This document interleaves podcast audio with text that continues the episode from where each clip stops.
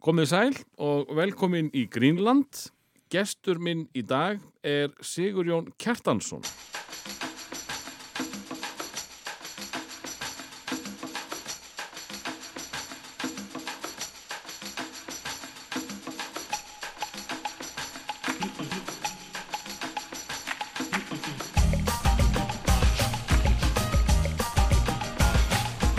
Velkomin Sigurjón. Já, þakkaði fyrir.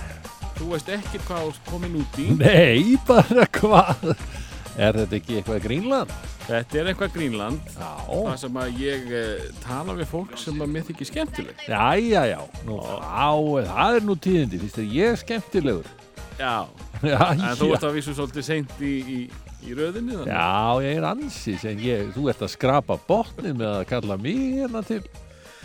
Nei, við erum náttúrulega bara svona að kynnast aðeins þessu, þessu gleði fólki í Íslandsugunar Já, og uh, þú ert þekktur mikill gleðimaður. já, já. Já, er það. Eh, áður við förum í hérna í fortíðina Já, þá uh, vita flestir að, þú ættir þarna stóran þátt í, í ófærðinni já, báðum. já, já, já, já. Uh, hvað gera menn eftir uh, ófærð 2? Hvað er þetta að gera núna? Hvað er ég að gera núna? Mm. Ég er nú svona, já, á eftir tvö kemur stundum þrjú. Það er aðeins verið að spá í það. Og hérna, og svo er ég að vinna öðrum verkefnum, svona ímsum, svona, sem að eru kannski, já, kannski full fljótt að tala um. Það er Mm. yfirleitt þannig, þannig er líf mitt. Og, og vinna mín fælst aldrei í því að, að hugsa um eitthvað sem á að gerast eftir þrjú ár Og mátt ekki segja frá því. og ég má ekki segja frá því. En uh, svona eftirfylgni uh, eins og með uh, tvistinu. Já, Uh, nú sko er langt síðan að einhvað svona sjóasefni sló jafn mikið í gegn og, og ófær 2. já, Uh, þá gerum við ráð fyrir því að, að uh, restina heiminum sé nú alveg tilbúin í að skoða þetta, sé, sérstaklega því að eitt gekk vel. já, já. Eitt gekk vel eh, út um allan heim og, og tvö er að byrja svona sinn, sinn, sína göngu í, heim, í heiminum. Mm. Núna bráðum mun, mun hérna uh, sem sé um, uh, munda klárast í Bretlandi. Menn eru svona uh, svona, það, það er spennandi að sjá hvað, hvað þeir verða gladir við höfum þegar fengið mjög góð dóma þar Mm og hérna ágætt bara mjög fínt áhorf. Og síðan eh, núna 25. mars byrjar hérna byrjar þetta í Fraklandi Aha, og frakkar er nú svona hafa nú svona, við höfum verið hvað stærstir þar sko mm. og, og þjóðverjar fara, ég held að þeir sína, þeir eru alltaf rólegir í tíðinni þeir, þeir sína þetta held ég í haust sko já. og svo er þetta nú bara svona að mjallast hingað og þangað sko Fyrir þetta á einhverja veitur?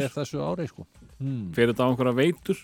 Já, já, þetta fer, það, það er sko, Tekur þetta einhvern sjóasring fyrst eða eitthvað? já, þetta tekur yfirleitt svona sjónvarsring en, en, á, en það eru sumlönd sem að fara með þetta bara, það sem þetta er á Netflix, uh, eins og Kanada til dæmis, það Mm. fer fljótlega á Netflix þar og e, svo eru, ég meina það eru allavega, ég held að það séu svona 70 territory það sem að við, við endum á Netflix, eins og Netflix á Indlandi til dæmis Já. Og en, en við erum á, á stórum stöðum á, til dæmis í Japan og Ástralíu og, og hér og það sko. En, en talandi um Netflix, ég hef aldrei pælt í því en hérna, eh, sko að því það er nokkur sem búa á Índlandi Já, já, eh, fáið þið sko hitt fyrir hvert streymi? Eða Eh. er þetta bara keift og, og Indlands Netflix já, græðir á, á góðri sölu? Já, það er aldrei þannig. Einmitt. þannig virkar nút aldrei Netflix. Mm. Þetta er ekki eins og Spotify?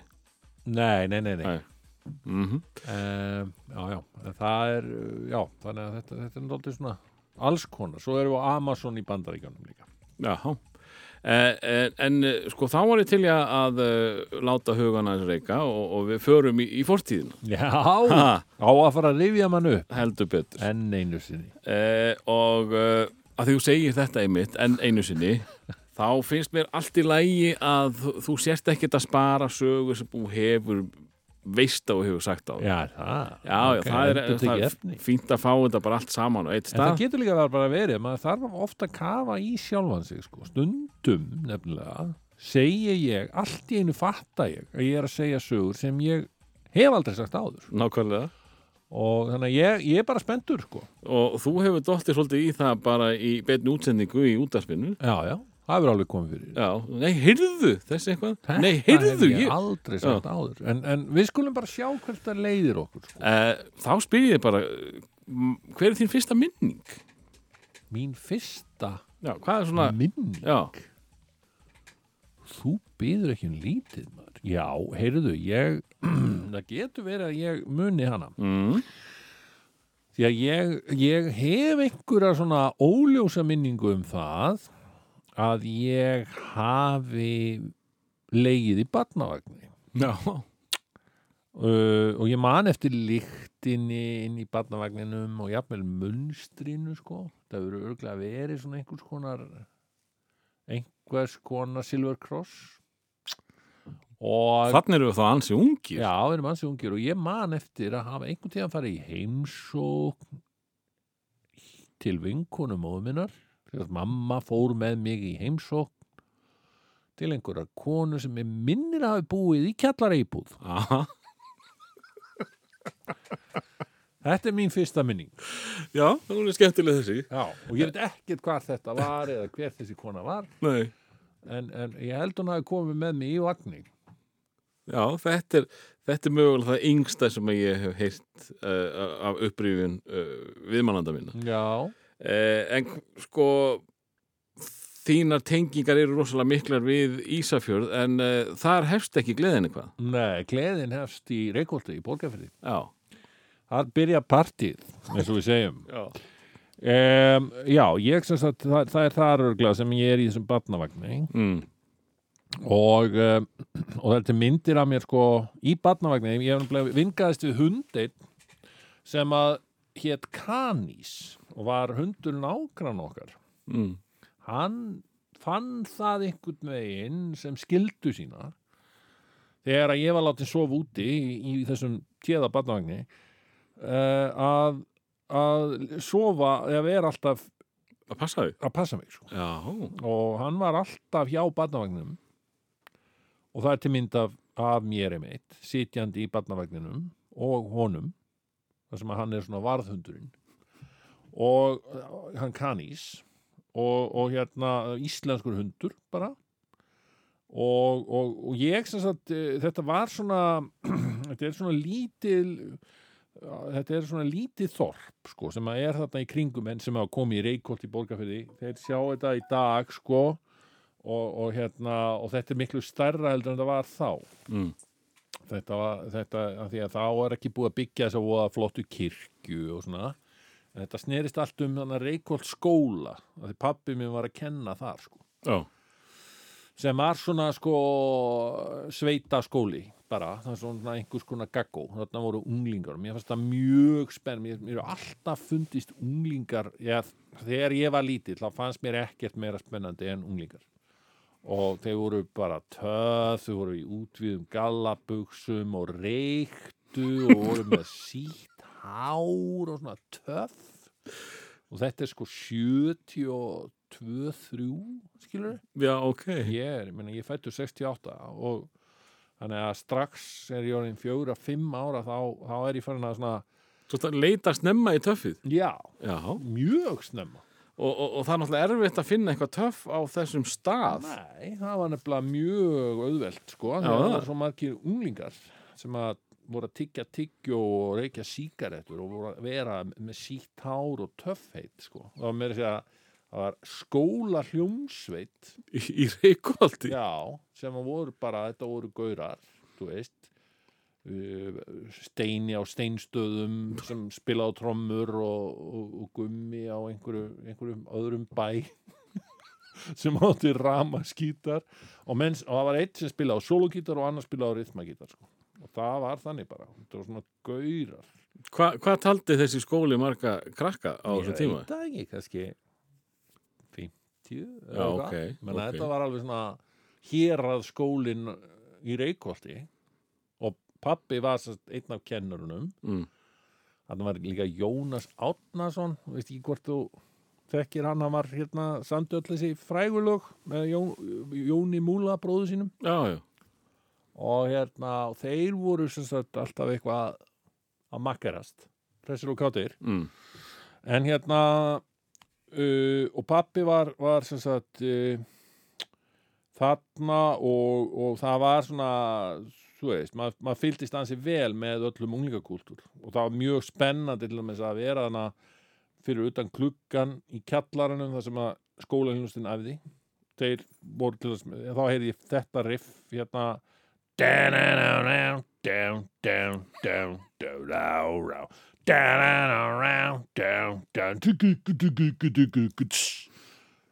Mm.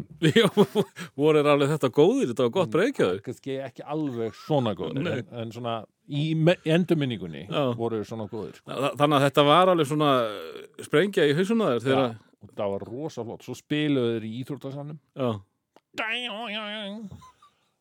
þar voru þér líka að spila held í Smoke on the Water og eitthvað svona. Já.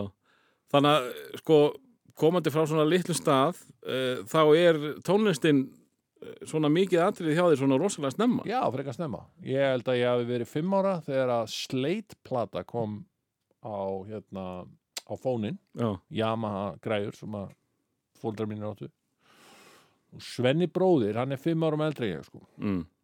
Og hann, hann var í rauninni mín brú yfir í unglingakúltúrin því að hann var náttúrulega, hann er fimm árum eldri og þú veist, hann er, hann er 10-11 ára, þú veist, er ég 5-6 ára, skilur Mm og hann nær alveg sko tengslum við þessa aðalgæja skilur sem eru með sítt hár og, og er að reykja og svona, hann er alveg hann að hanga utan í þeim og þeir eru að lána honum plötur og þeir eru að lána honum með þessi að ramaskítara já, og bara dvæjá og eitthvað og, og hann var stundum að koma með alls konar svona heim sko. og hann mitt komið sleitplötu heim já, og það er svona mitt fyrsta það er fyrsta rocklaði sem ég heyri það er hérna Come on Feel the Noise já. það er fyrsta alvöru rocklag sem kemur á fónin heima hjá mér sko. Hvað, hvað var á fónunum fyrir sleit? það var eh, Nana Muscuri grísk söngkona? Sem að ég hafði mikið dálætu á sem, sem smábarn vegna þess að ég var komin, eða smábarn ég var svona kannski fjóra-fimm ára.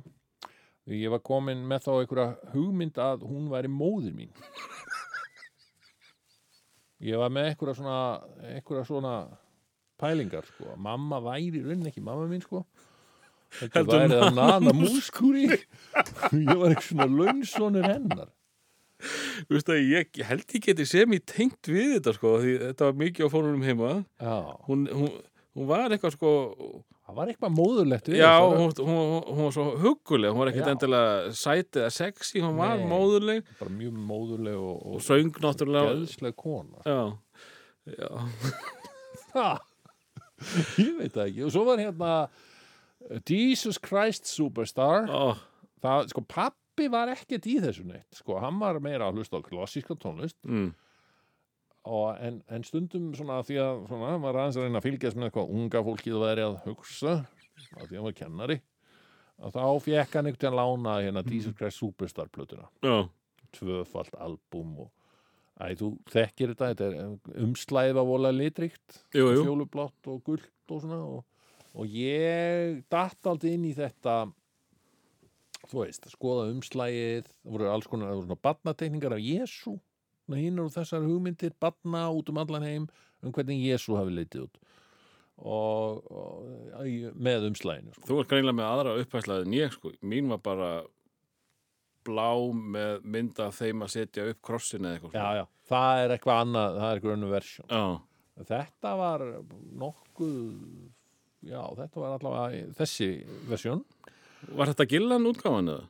Ég bara, veistu, ég er ekki viss. Nei. Ég veit ekkert í rauninni meira og þetta hafði í rauninni engin áhrif á mig, tónlistaleg. Nei, það ekki. Nei. Það er alveg rock í þessu sko, þó að mér finnst þetta opbáslega leiðilegt. Það er smá rock í þessu en, þú veist, þegar ég heyri þetta í dag þá vekur þetta ekki upp neina nostalgíu nei, það er svo merkilegt já en, en þegar að þú byrjar í skóla sjálfur uh, byrjar þá þarna, hvað erstu lengi Nei, þá er ég sko ég byrjaði ekkert í skóla ég, kvöldi. ég var, það, minn fyrsti skóladagur var á Ísafirði sko. þá var ég sjö ára það engin það var ekki, ekki sex ára bekkur á þessum tíma það var ekki tilneitt sem hétt leikskóli og það var ekki tilneitt sem hétt hérna, sem hétt uh, sex ára bekkur allavega í, í þú veist já, mín kynnslóð var ekki sex ára bekkur sko. Það er bara þannig Já, þá er það eitthvað sérstakt þarna hana, hjá þér.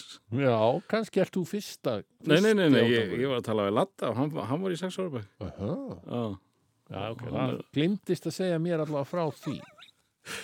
Eh, Flytiði... eh, Við flytjum þegar ég er 7 ára, 75. Já, Það fannst mér mjög spennandi reyndar, sko. Ég, hérna, ég var orðin, mér varst þetta orðið too much. Það var orðið gott. Sveitarlífið átti ekki við lengur. Allt og mikið sveitarlíf. já. Og ég, mér- ég þráði að flytjast til borgarinnar. Stór ég þráði borgarlíf og hérna og þetta var meira ég var fann að fantasera um ég var fann að sjá fyrir mér eitthvað borgarskipula þannig að ég er eitthvaldi Mm. og, og en svo bara eh, pappi ákveður að hætta að vera kennari þarna Mm. og þau byrja að skoða íbúðir í Reykjavík sem Já. ég fannst alveg fyrir heitna borgin Mm. og hérna, það var bara alveg svakalega merkilegt sko. ég fór oft til Reykjavíkur vegna þess að amma mín og afi byggu þar og svona og frængur og frændur og, og við gistum oft hjá frængum og frændum og ömmum og öfum í vesturbænum eitthvað og það gaman og mér fannst þetta æðislegt mér fannst það Reykjavík svo mikið dvang, vark, dvang, vark þú veist, það var alltaf rigning fullt af bílum. Eitthvað, þú veist skilur og hérna fullt af búðum og rullustíu í einni búðinni maður. Það var geggjað. Og mér finnst allir að lakka alltaf til að fara til Reykjavíkur og mér langaði náttúrulega mest af öllu að flytja til Reykjavíkur. Mm. svo förum við og skoðum ykkur íbúður og svo, já, já, ég veit það ekki og eitthvað og síðan koma fréttirnar að, að hérna að mamma tilkynir mér þetta að ég, við séum þetta að flytja til Ísafjarðar. Já, þið voruð á leiðinni til Reykjavíkur. kind of sko. Já, uh, og þar hafði pappi fengið skólastjórastöðu. Já, í gagfræðaskólanum í Ísafjörði og ég vissi ekkert hvað Ísafjörðu var. Það fyrsta sem ég hug var ó, ís, við erum að fá ís þar en svo fór ég að skoða myndir og, svona, og mér, mér leist ágætla á þetta place þetta var sannarlega stærri, þetta var step up já, sko? já, þetta var stærri bær heldur en Reykholt. Já, og þetta var alveg sko bær með það var bíó þarna, það var það voru fullt af búðum og það var alveg svona guang og rekkur rekkur reng Þetta var borg, smá. Já, þetta var alveg borg og ég alveg sko segi það núna. Og þetta var þegar, þegar ég flutti hana þá, það var svona ákveðin svona svona kultúr, ákveði kultúrsjokk sko að því leitunum til að þarna gat maður já, ég var náttúrulega rosa ánægð með þetta því að það voru svo, einmitt, margar búðir og, og svona ímislegt og það var þarna bíó þetta fannst mér mjög flott. Það var sjoppa sem var alveg sko, sem seldi ís Mm skilur, og mjög töff það var reyndar ekki til kók á Ísafirði fyrstu árin sem ég bjóð hana Ha? bara spur þetta er nefnilega staðrind en það voru rosa margar vestlanir Já. sér vestlanir, það voru margar svona nýlendur vestlanir og svo voru, svo voru alveg sko, já það var ein bókabúð, það voru tvö bakar í það var það voru alveg sko, það var þetta bara plötur í svona fjórum búðum hana Já, ok. og ég gerðist svona ég heimsótti alla búðinar Mm. fóru þarna svona sérstakar kynnisferðir og talaði við alla kallana sko, og var alveg orðið málkunnur ágætis kunningi þeirra var svona hanga í skóbúðinu og svona, að hvað segir það, koma nýr skór eða eitthvað? Og kallinn sem að leiði okkur hann var sko úrsmiður. Og ég var oft niðri á honum sko, svo veist að hanga aðeins og svona hann aðeins að sína með hvernig hvernig hann er að gera við Hva, hvað, hvað er lítill sigurinn að undirbúa hann? Ég veit það ekki. Ég er bara, ég er bara forvitnast um, um heiminn Já. og verandi frá Reykjóldi, sveitadæmi, hafði ég, ég hafði nefnilega gaman að spjalla við fullori fólk. Já, Og þá var ég ófeimin við, var ég orðið mjög ófeimin við það bara komi, fari heimsók til fólks, sko, í, í Reykjóldi. mm, Og ég var alltaf í þessu að fara í heimsók bara, eða þú veist, til búðakallana. mm, og mamma sko þegar hún fór síðan með manni að vestla bara sjálf og ég kom með þá þekktu allir búðamenninni mig Já, blessaður kunningi þessi, þetta er nú bara góð kunningi okkar hérna já. já, já, sko, bara mjög forvitin og fannst það bara mjög spennandi alls saman. Þú hefur verið svona opinn ungun drengur. það má segja það það hefur verið nokkuð áopin ungur drengur Þú tókst þetta þarna snemma út. já, já, má segja það ég er Það var einhverja, það búið að loka einhverjum hurðum síðan. Já, já, já, já, Já, já. ég er búin að skella öllum þessum hurðum að eftir Ég verð ekki verslunamaður hérna. En, en sko, þú býrð þá bara, sko, einhver mestarlega tíu ár þarna á Ísafyrði en þú talar ofsalega vel um staðinn eins og þetta sé eh, bestu staðar í heimi og eh, þú ert alltaf þaðan, þú ert Ísfyrðingur. Er það, er, er, er, er, þetta upplifun mín af Þetta er upplifun mín að þér. Já, upplifun þín af mér Já, Já. hérna Já, sko, það getur verið að ég í, einmitt í setni tíð hef tekið Ísafjörð dótti vel í sátt Ah, en þegar ég var nýfluttur frá Ísafjörði, þú veist, ég er þannig akkurat í tíu ár Mm. og þetta er svo 7 ára til 17 ára setni parturinn af þessu sko, frá því að ég er svona 13 eða eitthvað var skelvilegur þegar maður Nú. hugsa það sko, þú veist, eða, mér fannst skelvilegt að vera unglingur jaha. á meðan á því stóð en svona eftir á að hyggja þá var þetta gríðarlega dýrmætt sko, því að maður þurfti einhvern veginn að bjarga sér í unglingakúlturnum á Ísafjörði sko. Já, ánum förum í úlingin Já. þá skulum við hérna aðeins uh, pæla í þessum litla Sigurjóni sem er besti vinnu kallana uh, en hversu vel gekka að kynnast bara jafnöldrum og Það gekk alveg þokkalega. Ég, hérna, ég var samt tók því rólega svona fyrsta árið. Mm, að, að sko vera eitthvað að kynna. Ég hafði eiginlega sé, enga sérstakann áhuga að kynnast jafnöldrum strax. Ok, ég bara var hann í skólanum og svona og svo bara var ég þetta alltaf út af fyrir mig.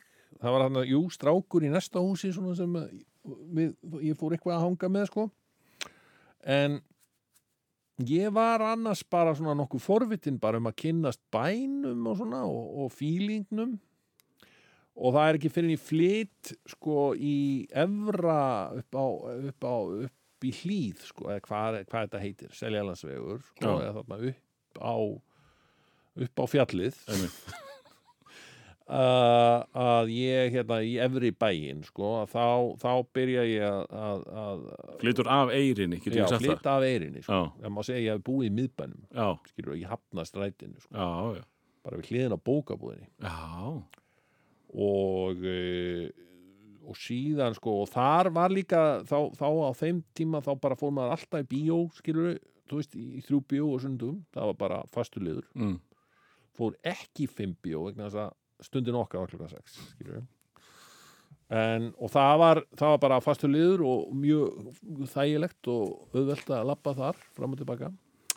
En sko já, ég byrja eiginlega svona meira að vera eignast svona alvöru vini þarna í efri bænum og ég var eiginlega, var eiginlega orðin vinnur þeirra sko áður í flutt í efri bæn og það var eiginlega þannig að, að sko þegar við flutt, daginn sem við fluttum á Seljalandsvegin mm, var hérna þá, þá stóðu allir vinirnir og byðu eftir mér sko. Þú varst búin að undirbúa Janúði? Já, ég var ég bara orðið vinsæðasti gæðin í Örbænum sko. og mikil eftirvætning sko. En, sko, þú talar um að þú hefur ekki verið mikið að tala við jafnaldræðina á þessum tíma uh, Varstu ekki að sísla eitthvað, varstu bara að kynnast bænum og, og, og kortilegja? Já, jú, jú, ég meina sísla ég, ég var í því sko Og ertu svona dundari eða Já. ertu meira svona landkunnuður? Já, ég var bæði landkunnur en síðan var aðtilsvert, sko, ég var mikið, ég var strax byrjað þarna sko, Svenni bróðir egnaðist kassettutæki á þessum tíma mm. Fekk það held ég í fermingagjöf. Og um, og ég notaði þetta kassutæki ansi mikið sko í að semja alls konar lög.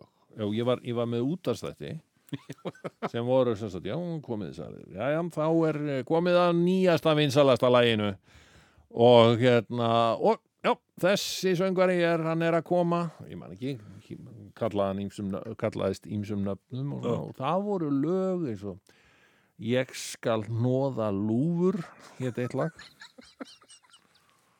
Það var uh, það, já, ég bara ég skal nóða lúfur í allt það besta ár. Það er skemmtilegt, það er skemmtilegt, það er skemmtilegt ár. Og faðir minn rifjar þetta reglulega Ég skal núða lú, ég veit ekki eða hvað þetta þýðir. Svo var lag sem hétt hérna Ó Maria.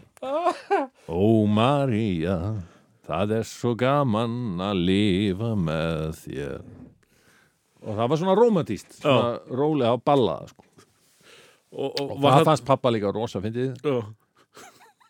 Og hérna, e, og lagið Helgin er peningaðisla. Þá, þá byrjaði ég að vera með hérna ákveðna ádeilu á svona samfélagsádeilu sem var um, um það að fólk væri alltaf að hlaupa og hlaupa út og inn eitthvað og fara í búðir sko, og hérna um helgar.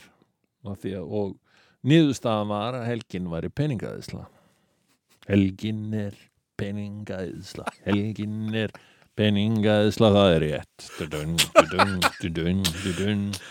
En er þetta, sko, var þetta bara a cappella eða varstu Já, já, þetta Já. voru svona, þú veist, það þurfti ekkert mikið þannig séð, en, en ég meina ég var alltaf me- með undirspilið bara í hausnum, sko Já. og, og svo var ég að kynna þessi lög og afkynna Já, vinsalasta lagið í, í dag Helgin er penninga eðsla Þetta er alveg hreint magnað Já, já og uh, ég held að þetta sé einhver sem þú veist ekki búin að segja á það Nei, veistu, ég er ekki búin að rifja þetta upp Uh, hvernig, sko, með, með pappa sem skólastjóra, hvernig, hvernig var hérna skólagangan? Var, Skólagangan, já, hún var brokking já, hún Já, er sko, vantilega ég- verið skári framan af. Víti, ég er fastur hérna, sko. Ég er að reyna að fara hérna úr jakkanum sko, og setja hann hérna aftur í Herðu, nei, sko, málið er að, að sko, ég var náttúrulega framan að vera í barnaskólanum sko, sem að hann er þar, káaði ekkit upp á pappa því að hann var bara í gaggó og uh, en ég fann alveg eins og var fyrir því og það er rauninni svona grunnurinn þarna, þarna fljótt fann ég fyrir því hvernig er að vera frægur. Já, því að þetta er leyndamál fræður en ég kynntist í mjög snemma. Mm, því að allir þarna í bænum vissu að ég var sonur skólastjórans í Gaggó. Já, og hérna og emmaður óvart, óvart sko viltist inn í unglingahóp þarna byrjuðu unglingar eiginlega ekki að vera lengur mjög spennandi sko. Uh, mér fannst þetta spennandi framan af skilur og, það mér mann eftir stelpunni á hæðinni fyrir neða mig. Það er nú rosalegt með stelpun á hæðinni fyrir neða mig. Hún hérna, ég fekk ofta hanga þar, skilur við með unglingum þar. já, Já. og það, það, þannig er ég þetta er áður ég svona, ef um það leiti sem ég er nýfluttur bara Já, til Ísafjörðar hún var rosar hess og leiði mér ofta vera bara þarna að hanga með með henni og vinkonu hennar vinkonum hennar. Og ég man eftir því þegar þær spiluðu hérna sumar á Sýrlandi fyrir mig ný plata með einhverju sem heitir stuðmenn. Mm. já, ok, gaman að því. Og þú veist, ég með hæstína stuðu og þessi lög, sko. En ég man eftir því að hún ég man ekki, hún kannski passaði ekki beint en hún var svona, ég fekk svona að hanga með. Ein vinkona hennar sem ég, ég, held ég sé ekkit að ruggla með þetta hún var svona gallabuxnagela bara svona og svo sá maður hana alltaf svona tilsýndar þessi kona, þessi, þessi stúlka sem var bara svona hress og kátt, unglingur, reykjandi og eitthvað svona, hún reyndist á endanum vera Ísafjarðar Begga, Já, hinn fræga sem því miður er, er látin í dag og, en var, var hérna annáluð já, svona í, í, á, á, á, á, svona misjafnri braut. Einmitt. En uh, það, það var alltaf merkilegt svona hún, ég, og þannig að ég hef stundu verið að monta með því og segja svona, já, Ísafjörðabekka, hún passaði mér nú í galma þetta En, en, hún var indisleg já, en þetta er, þetta er eh, lítil hliðasaga. Þú, Þetta er smá, já, en, en ok Leyndarmál Uh, fræðarinnar. sko, Samband mitt við unglinga fer síðan að, að sortna þarna á þessum tíma því að ef ég lendi þarna á í svona unglingahóp að þá hérna uh, þá sem sagt uh, uh, þá voru þeir eitthvað að tala já, hvað, þetta er svona skólasjóns og eitthvað "Uh, hvað, pappin og eitthvað.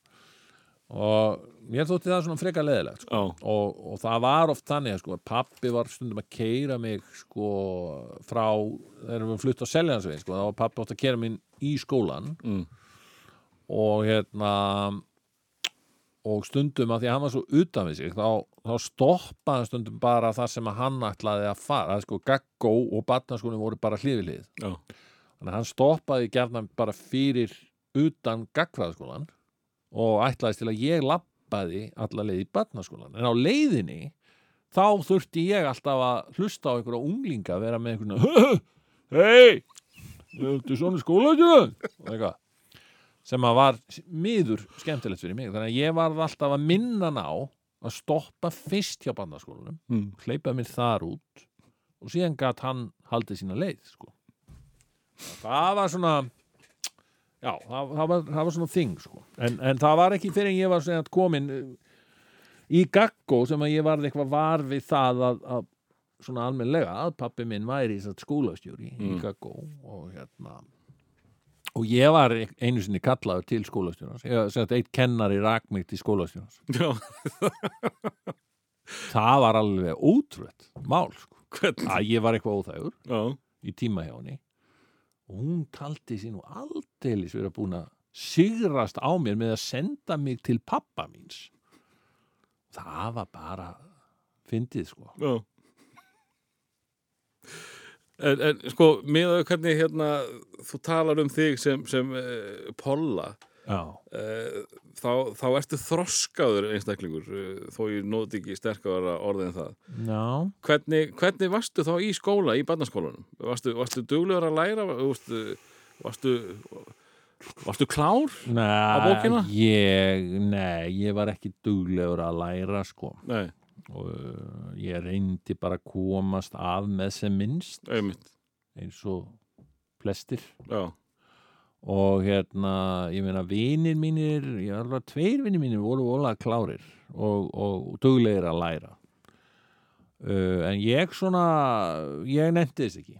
Og, og var svona þú veist, ég gerði bara svona akkurat það sem nöðsynlega þurfti að gera. Mm, um, já, en, en, en það var mjög fljótt sko farið að taka mig í svona, þú veist, ef það var skólaskemmtun og eitthvað svona, þá þótti mikilvægt að ég færi í það sko já. og yrði með í ykkur svo leiðis.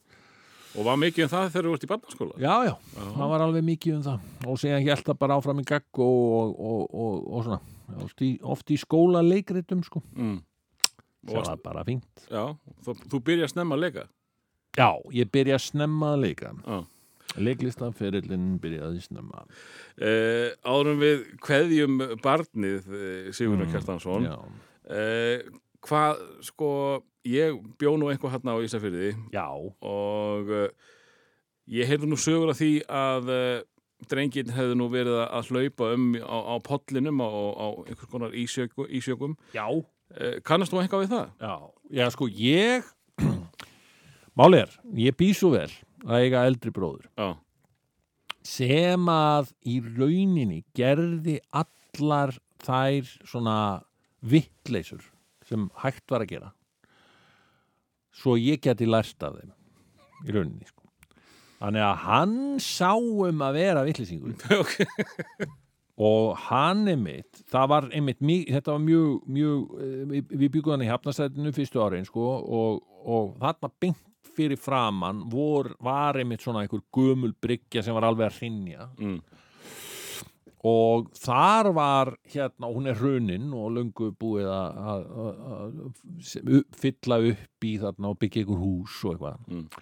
og þar var sem sagt þar var oft ha, bara hafís sem var svona flöyt inn í, inn í pollin sko og, og þar voru krakkar að, að leika sér sko já, bara að, að fara út á ísinn og vera bara í rosa stuði sko. og ég man að mamma var ofsalega hrætt þegar hún sá þetta og, og, og bað og bara tók lofórð af, af stórabróður að fara aldrei út á ísinn. Ég man alveg mörg margsinnis lofaðan þessu sko. Tíu fingur upp til guðus og allt sko. Nei, hvað gerist? Eitt góðan við auðvitað kemur hann rennblautur heim vegna þess að hann farið út á ísinn og dottið í sjóin já þetta, þetta er svona leiktæki sem að fáir gátu unni með aðrir en ísfinningar það var, það var ísinn í á, á pollinu alveg magnað sko. En, svona eitthvað meira sem að var kannski meira eh, sem, svona eitthvað spes ísfist sem að þú gerðir með þínu vinum Ég sko, vinum, ég, ég gerði voðalega lítið af þessu en það voru, gerði lítið af svona kjánastrikum mm. vegna þess að ég var alltaf eitthvað svo skinsamur Mhm. en, en vinum, eða svona margir strákarnir sem uh, þeir urðu sko hérna, þeir voru að teika bíla líka, það var mjög vinsalt sko. einmitt að teika sko að því að það var hálka skiluru og þá fóru þeir aftan á einhverja bíla og fannst það æðislegt mm -hmm. það voru ekki vinir mínir sko, það voru fáitanir Já. skiluru hvenar hérna, fer þú sjálfur að fykta við hljóðfæri er það ekkert strax? Hljóðfæri, Já. já, það er, það er svona kannski, já, ég meina ég tók í bassana s- Svenna daldið fljótt, sko Já. að hann var byrjaður í einhvern svona hljómsveitum og he- getur það útskýrt eitthvað eh, sko hvers vegna þú spila svona á gítarnaðinn hvernig ég spila svona á þú gítar ert ofta að spila bara á einn uh, strengi einu, svona þungt eins og setja, sé bassi. Já. Já, það getur bara vel verið, sko. Já, já, ég leita á mig bara sem bassaleikara. Með. Eh, áður en við förum í Gagó já, með Sigurjóni eigum við ekki að fá kannski svona lag sem að þú myndir telja svona æskur æskulagið, eitthvað svona sem vinnið þig á já, á fyrstu árin. Já, barnæskulag einhvers konar. Ha. Ég, já, var ég ekki að tala um hérna Come on Feel the Noise. Ég var að fara í það. Já, spilum það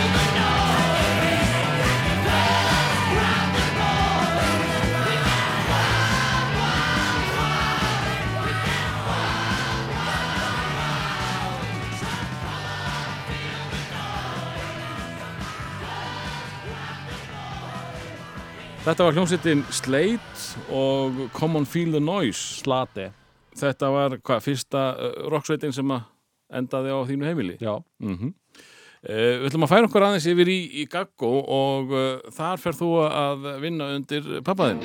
að vinna undir honum Já, samt hann var Já, hann var aðstráðandi Já, í gagfræðaskólanum á Ísafirði og það var dálítið svona kaltænislegt, ég man eftir því sko að hann er held ég síð, hann er síðast í skólastjórun í gagfræðaskólanum á Ísafirði af því að síðan saminaðist hann í að vera bara einn grunnskóli. Já, já. og hérna og ég man hvað þetta, mér fannst mag magnað sko að, að hérna það var málverk af öllum skólastjórunum. Það voru málverk hérna út um alla veggi af öllum skólastjórunum. Hannibal Valdimarsson hafi verið þarna ekkert tímann á undan honum og einhverju svona kallar. Mm. en pappi fekk ekki málverk. Hann fékk er ekki maðurinn sem að var ekki málaður sko. Það var bara út af því einhvern veginn að það, það var bara, já, leggjum niður þessum stöðu. Eftir tíu ár. Eða eitthvað, ég man ekki hvernig þetta var. En það allavega æslaðist þannig hann fikk ekki málverk, nú veit ég eiginlega ekki hvað þeir eru að gera við málverkin sko. E, og vo- hvort þú eru þannig ennþá, voru þau tekið niður þegar þetta var saminnaða? getur verið. Já, ég hef ekki kannað þetta mál. Nei. E, En hvað hérna, sko, þú talar áðan um að, að unglingsárin hefði ekkit verið frábær hérna á, á Ísafyrði. E, hvenær byrjum maður í Gaggo? Er er það 13 ára? 12, 13? já, 13, Já. Og, og, og 7. bekk ertu orðin pöngari? já, sko það byrjar sem segir ég nú rifjað þessa sögu upp ansi oft Já, já, komdu það með hann. En uh, ég er sem sagt uh, 12 ára Ég er 12 ára Árið er 1980 og það eru komin jól.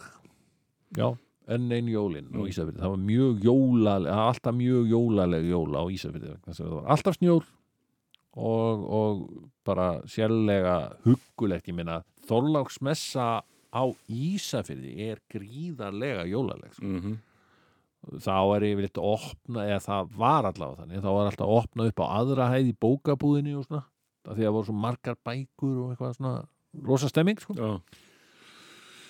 Og hérna og mín og, og ég meina pælti þarna eru sko já, það eru fjórar plötubúðir hana, basically, það var hægt að kaupa plötur í pólnum, það er hægt að kaupa plötur í eplinu, seria og í bókabúðinni þú veist, þetta er bara kvílík þetta er bara eins og að vera í stórborg Býtu, var ekki eplið nýja búðin þarna inn í fyrðið?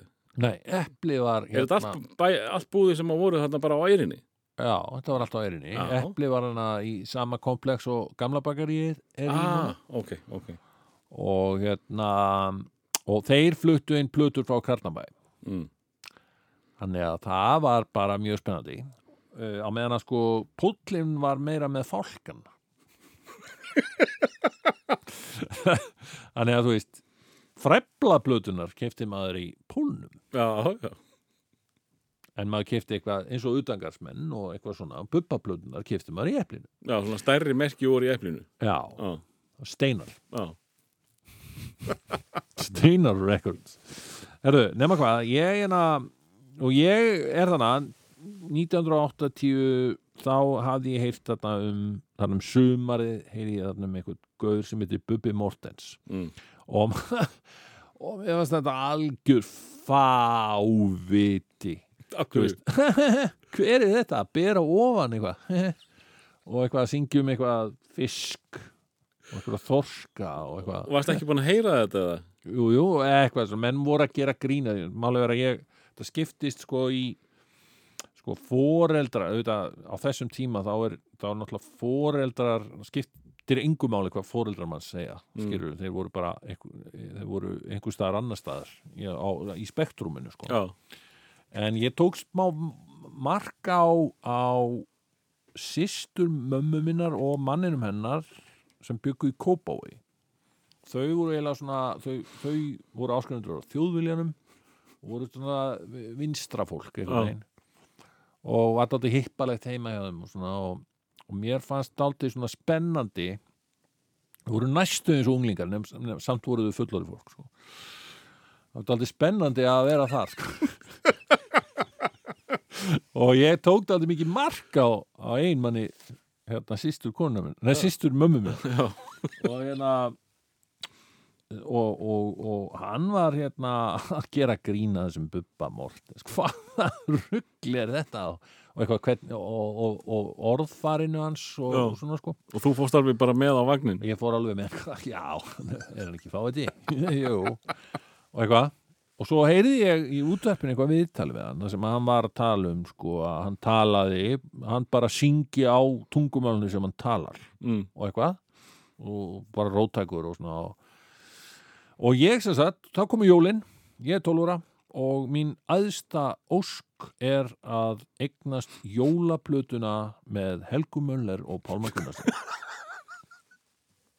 sem var nýjasta platan þá. Já, og ég var að vonast til þess að Svenni bróðir myndi nú vera svo góður að ég sá að hann var að gefa með plötu pakk, pakkin var þannig í læginu að, það, papp, að Svenni eh, myndi nú sína þann góða smekk að gefa litla bróður þessa plötu.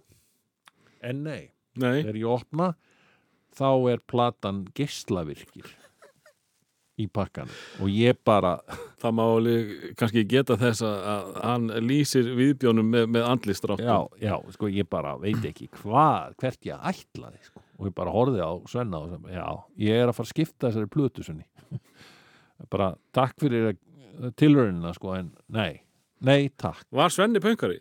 nei, nei, Svenni var hins vegar sko Hann var svona læs. Hann var bara svona wise. Já. Og hérna hlustaði mikið á gæjan sem vann í eplinu. Mm. sem var einhvers konar svona, hann, var, hann spilaði á ramaskítar og var einhver töffari, sko. Og, og Svenni hlusta á hann. Og, og hann hafði eitthvað verið að spurja hann hvað á ég að gefa litla bróðum mínum? Hvað áttu að gefa litla bróðinum það er mjög einfalt mál, það er mjög einfalt svar við því. Og hann síndi honum hérna geislavirkir, utangansmenn þarna bara ert þú bara pushing the boundaries með, með, með litla bróðin Já, ertu viss? Já, ég er viss. Er eitthvað svona? Þetta er samtalið. Þetta ég hljóma svona einhver gúrú Já. Og Svenni bara hlýðir Já, og, uh, og ég bara veit ekki hvert ég ætla. fyrst ára sögja Fuss á sveigja og, og svo bara tek ég upp restina af gjöfunum og allir glaðir og alltaf svona og ég ennþá að horfa á þetta þessa Ógeðslega blötu. Já. Af hverju gafstu þessu séðans? Svenni bað mig um að gefa þessu smásins Og þá getur ekki skilað henni. henni á hans vör hann sagði bara, já, nei, nei heyrðu, ok, ja, ekkert mál skiptinni, en hlusta hann samt á hana og hann bauð mér semst að fara upp í herbergi herbergi hans með þarna, plötuspilurunum gott að það var ekki Pioneer. Já, og hérna og uh, já, já, ok, ég ætla að hlusta á hana skilur en ég, ég er að fara að skipta henni strax bara eftir jólin. Ekkert mál. Og ég set á mig headphone og byrja að hlusta. Og þetta er, þetta er sko horrifying sko, þetta er svo og ég er að lesa textana í leðinni sko veist við munum öll deyja og það verður Hvað er fyrsta lagi? nú, Hiroshima Já, það er Hiroshima Ekkert svar, ekkert hljóð, bara Já, blóð og bara blóð og síðan eitthvað barnið sefur, barnið hlær og eitthvað, ah, miðnesheiði og leigubílstjórar og verndarinn og þú ert einhver staðar bara ah, komin í einhvern voða skrítin heim og það eru, þú veist það eru allir hræsnarar sko. mm. Þú veist, alltaf einhverju verndara ríkir sem að drekka rauðvín og, og eru með auper. Og maður bara fuck maður, þetta er og, og, og það er að koma kjarn okkur stríð bara, þú veist. Menna, Nostradamus er búin að spá fyrir um kjarnokkurstríðið og allt saman skilur en, en, en þú það er bara í, einhver sem ítir á einn rauðan takka sko, og þá munu allar sprengjurnar á miðnesheiði þar munu springa. En þú, en þú, þú gefst ekki upp? Ég, ég hlusta á alla plötuna. Já, og eitthvað gerði það að verkum að ég ég svona já, wow, shit. Og svo bara setti ég hana bara til hliðar og hugsaði ekkert mikið meira með það fyrir en ég byrjaði aftur í skólanum eftir að það var eitthvað sem gerði það að verkum að ég sagt, ákvaða geimana og Já. ég fór að hlusta á hann aftur og aftur og aftur og, og svo var einhver svona viðurkenning sem að ég man þetta var í smíðatíma bara strax eftir jólafrí og vinu minn var þarna og hann sagði heyrðu ég var að hlusta á geislavirkinu með auðvitaðgarsmönnum bara helviti gott. Og þá vissi ég að ég væri ekki að fara að skila þessari plötu sko.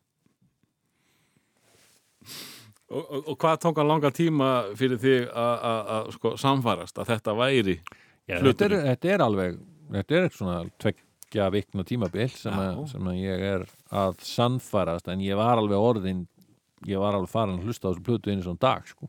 Já.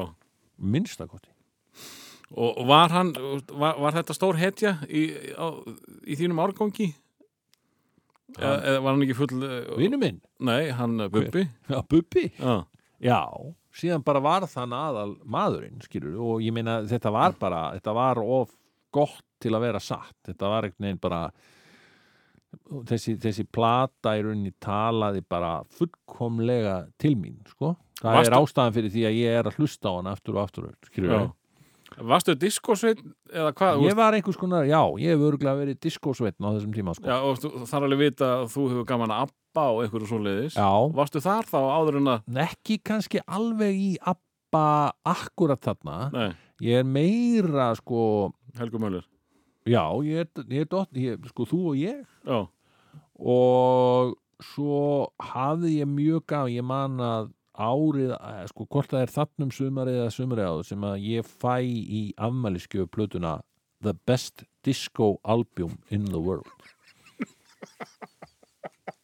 Sem að ég hafði bara, ég gat ekki ímynda mér æðislegri plötu nei.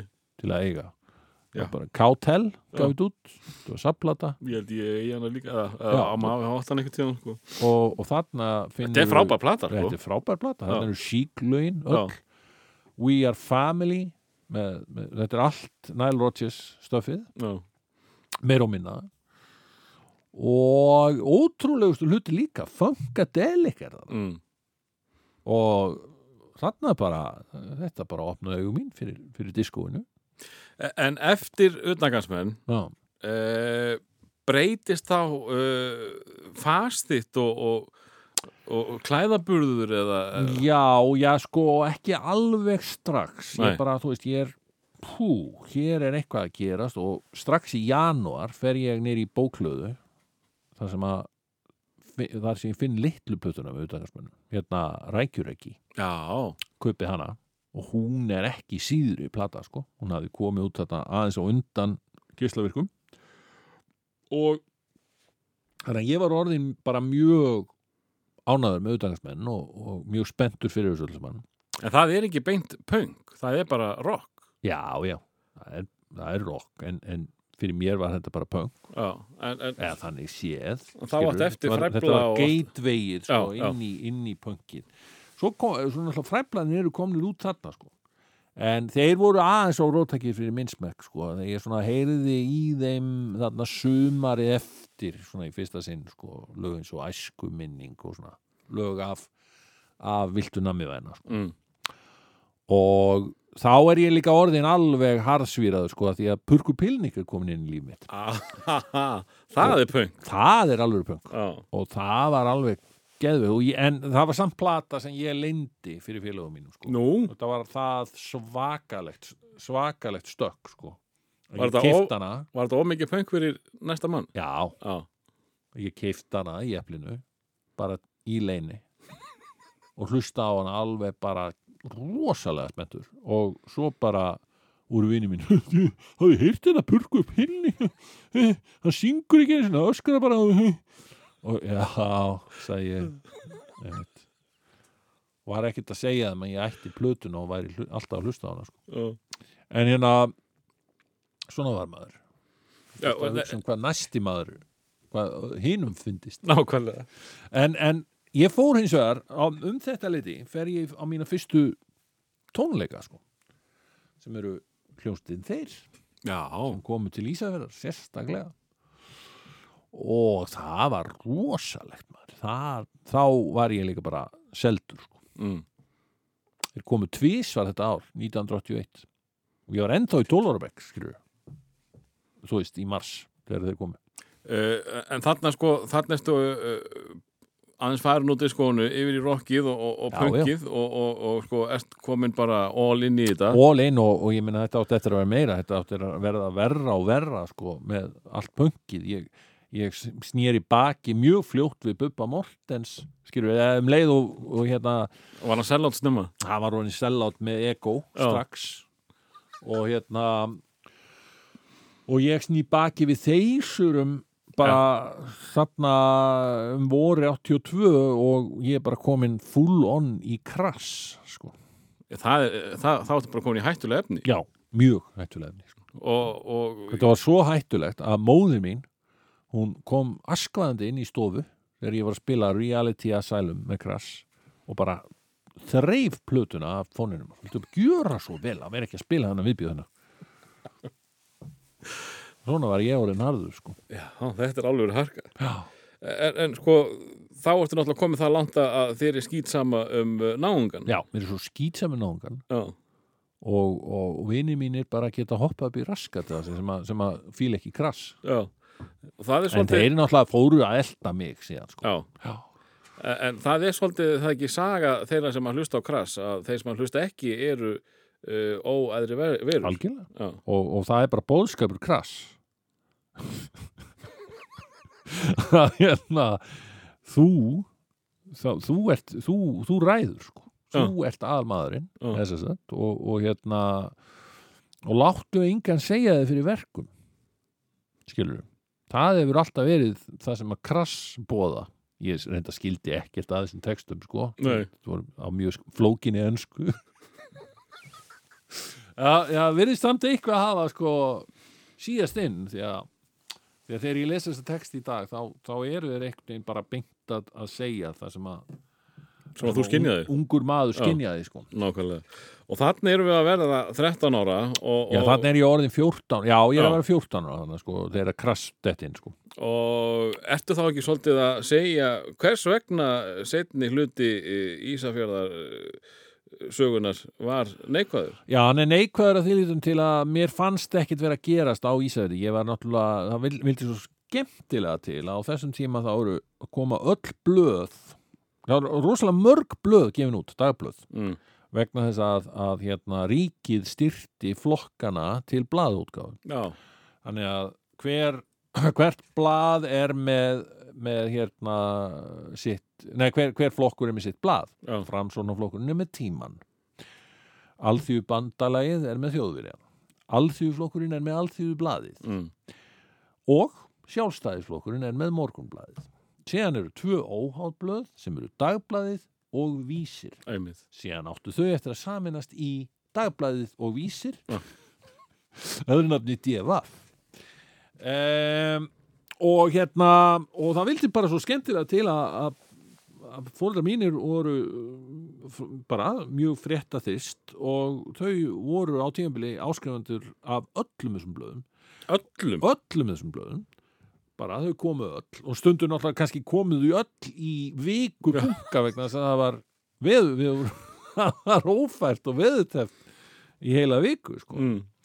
og ég var snemma byrjaður að lesa blöðin ég þetta byrjaði nú á svona, kannski sjö ára byrjaði að lesa hérna, teknimyndasögunar eins og, og framhaldsugur eins og drega Mm. í tímanum og hérna fannst mjög mikilvægt að, að fá tíman á hverjum degi til að geta fylgst með æfinturum drega.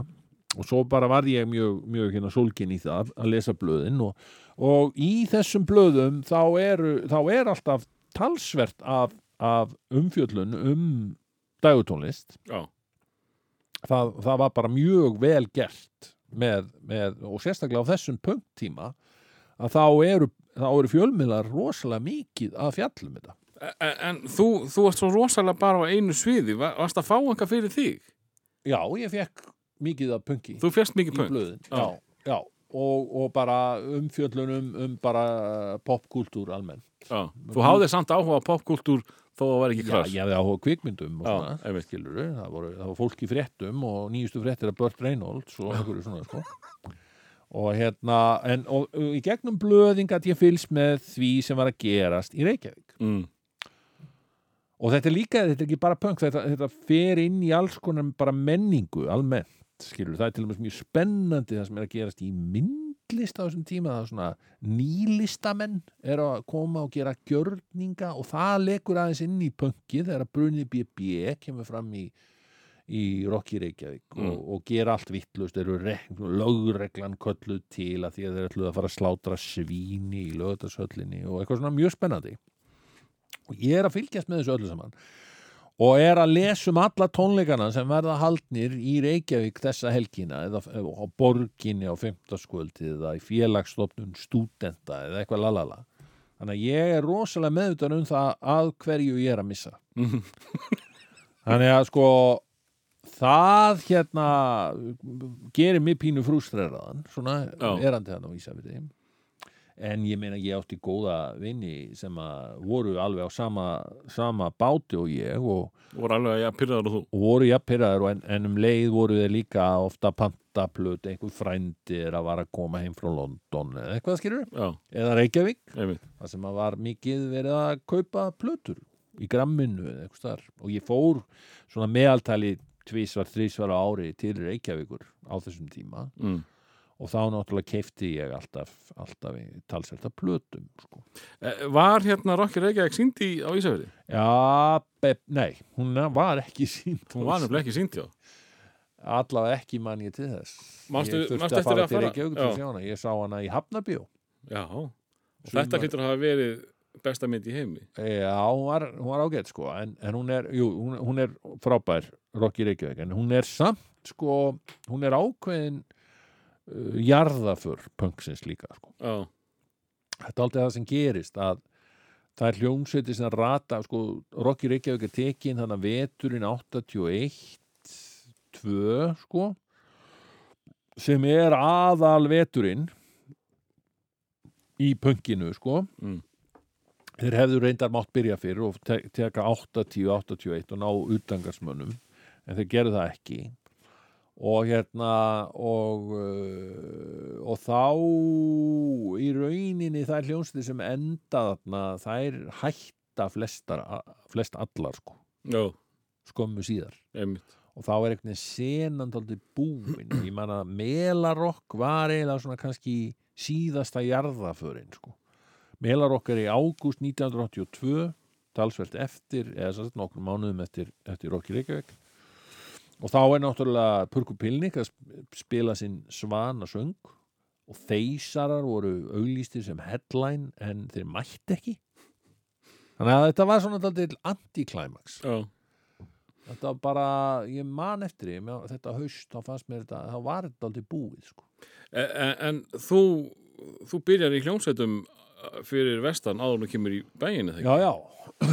Ég hérna mm, það var þarna ég man eftir já, ég, ég stopna þarna tveggja manna hljómsveit með vini mínum sem að átti ekkert nema einhver mikrofón og blokkflötu kannski. Ég átti trommusett sem ég fekk í fermingagjöf vorið 82 Býtu, er, er það fyrsta hljóðfæri sem þú eignast eða? Mm, Já, Byrjar þessi trommari? Já, Já, ég leit á mig fyrst og fremst um trommara þannig á þessum tíma sko. ok.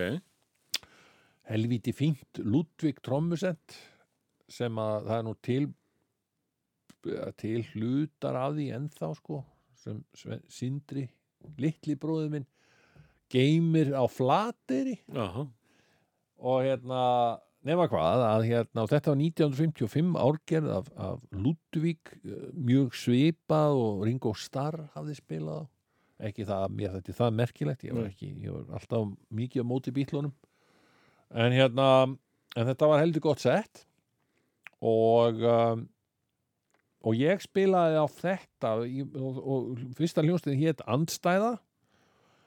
Og, og við hérna vorum bara trommur og söngur. Já. það var bara þannig. Og hvað voruð að gera punk þá eða? já, já, Já, svaka punk og hérna bara rus bara við vorum svakalegir sko. og við sem sagt hítuðum upp við gerðum að, við hítuðum gjarnan upp fyrir, fyrir aðal punkljónsunna á Ísafirði sem hétt Alserer Frík Mhm.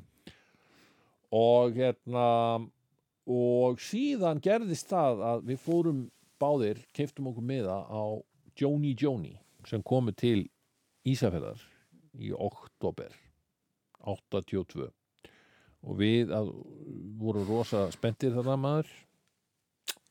Svo hérna voru þeir bara að spila og allir glaðir. Og svo bara áttu þeir ekki fleiri lög til að spila. Þannig að þeir kölluðu hérna já, hörðu, maður fá hljósna andstæðu til að koma inn upp. What? Þá hafði sko Bjarni sem var söngvarinn í Alsirarvík hann, hann var í mentaskólanum sko. Hann var að segja þeim frá okkur sko báðu þá til þess að koma bara þá upp. Þeir eru þessir svo bara spilum við þannig eitt sett sko. Já, fullt af fólki? Já já, og voða ánægja sko. Og, og Joni svona svaka glaðir með okkur. Trommur og söngur? Já, og mögulega blokkflöta þeim fannst alveg magnað að einhver hljómsveit sko úr þessu krumma skuði skuldi vera svona fín sko. Já, já. Eða sko frumleg öllu heldur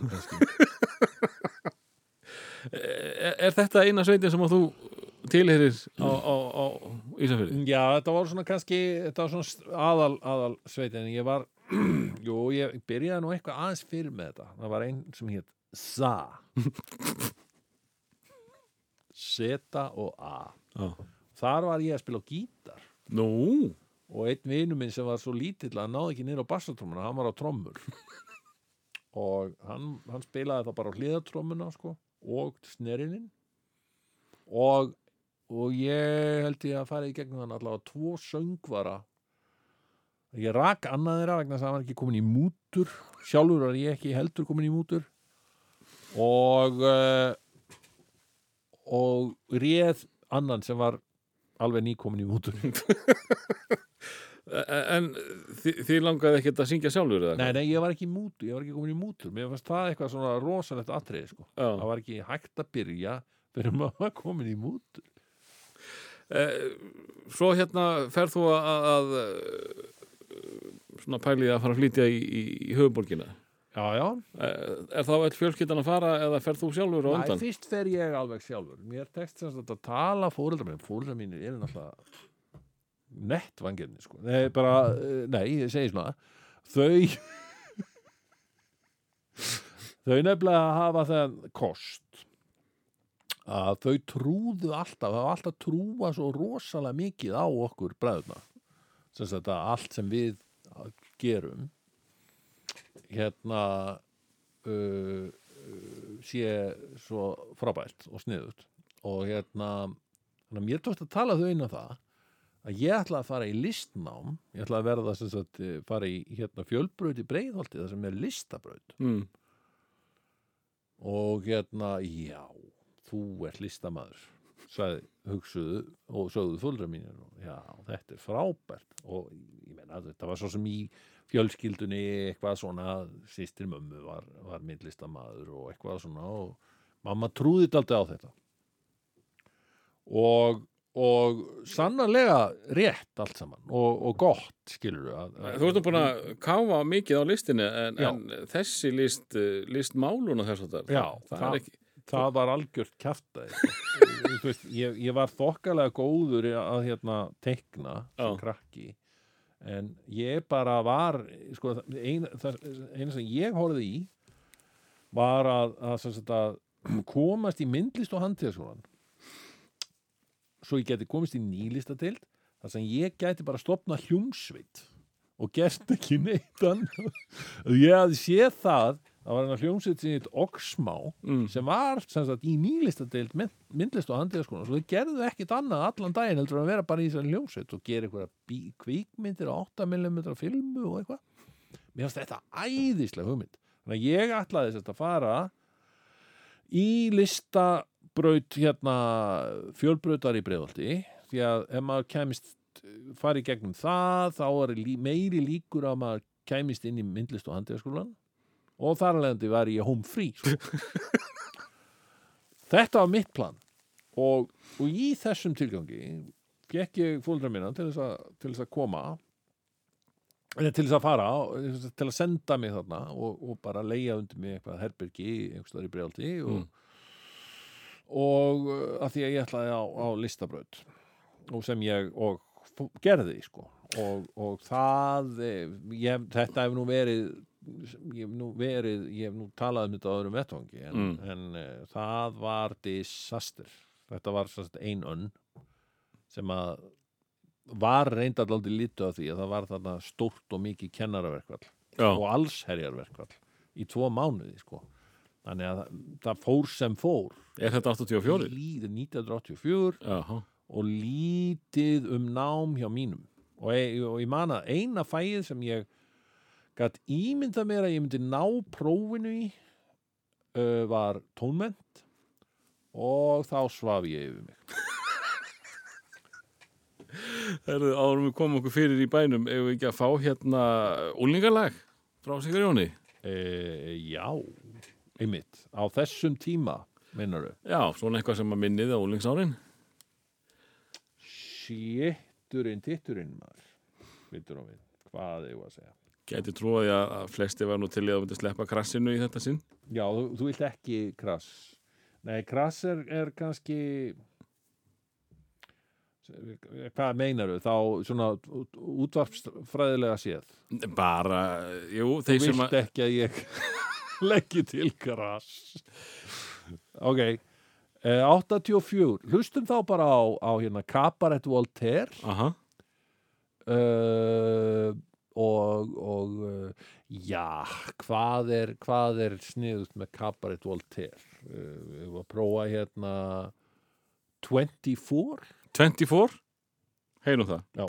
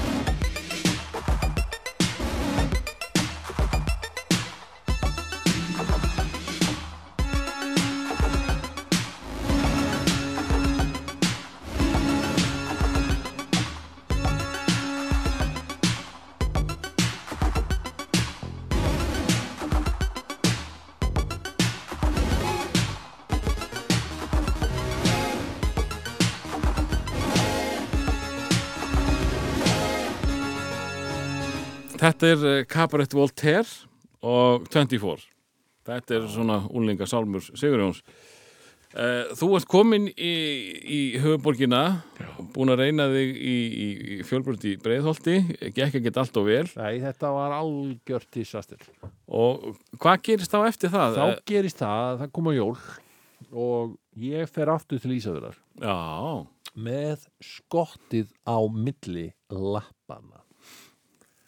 og er þarna bara það ég fyrst sko, jæja hæ, mamma og pappi og hérna og við höldum heilug jól og, og ég alveg staður á henni því að ég ætla að fara aftur í fjölbröndi breiðolti eftir áramót. En þá tekur pappi mig á eintal já.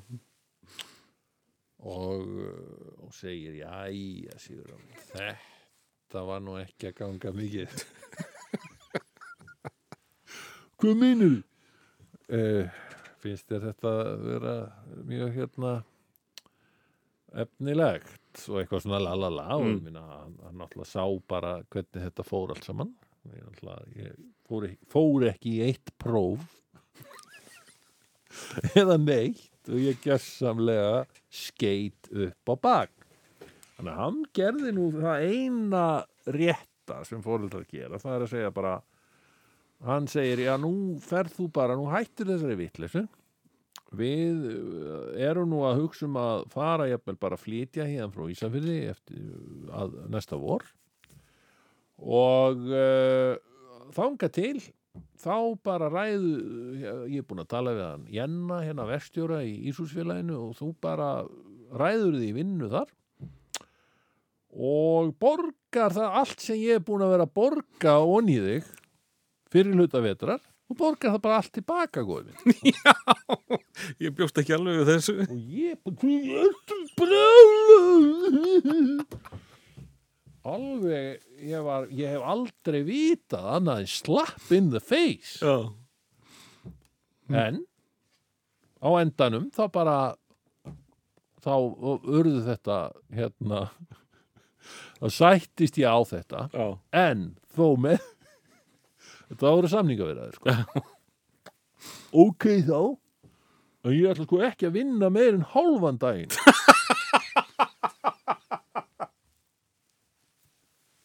það var og. Það var, það var, Það var Jaha. þú veist ok þá, já já. Fínt er, og vinnur bara hálfan daginn en þú borgar mér tilbaka. Já, fínt. Þetta er nokkuð góðu dýl.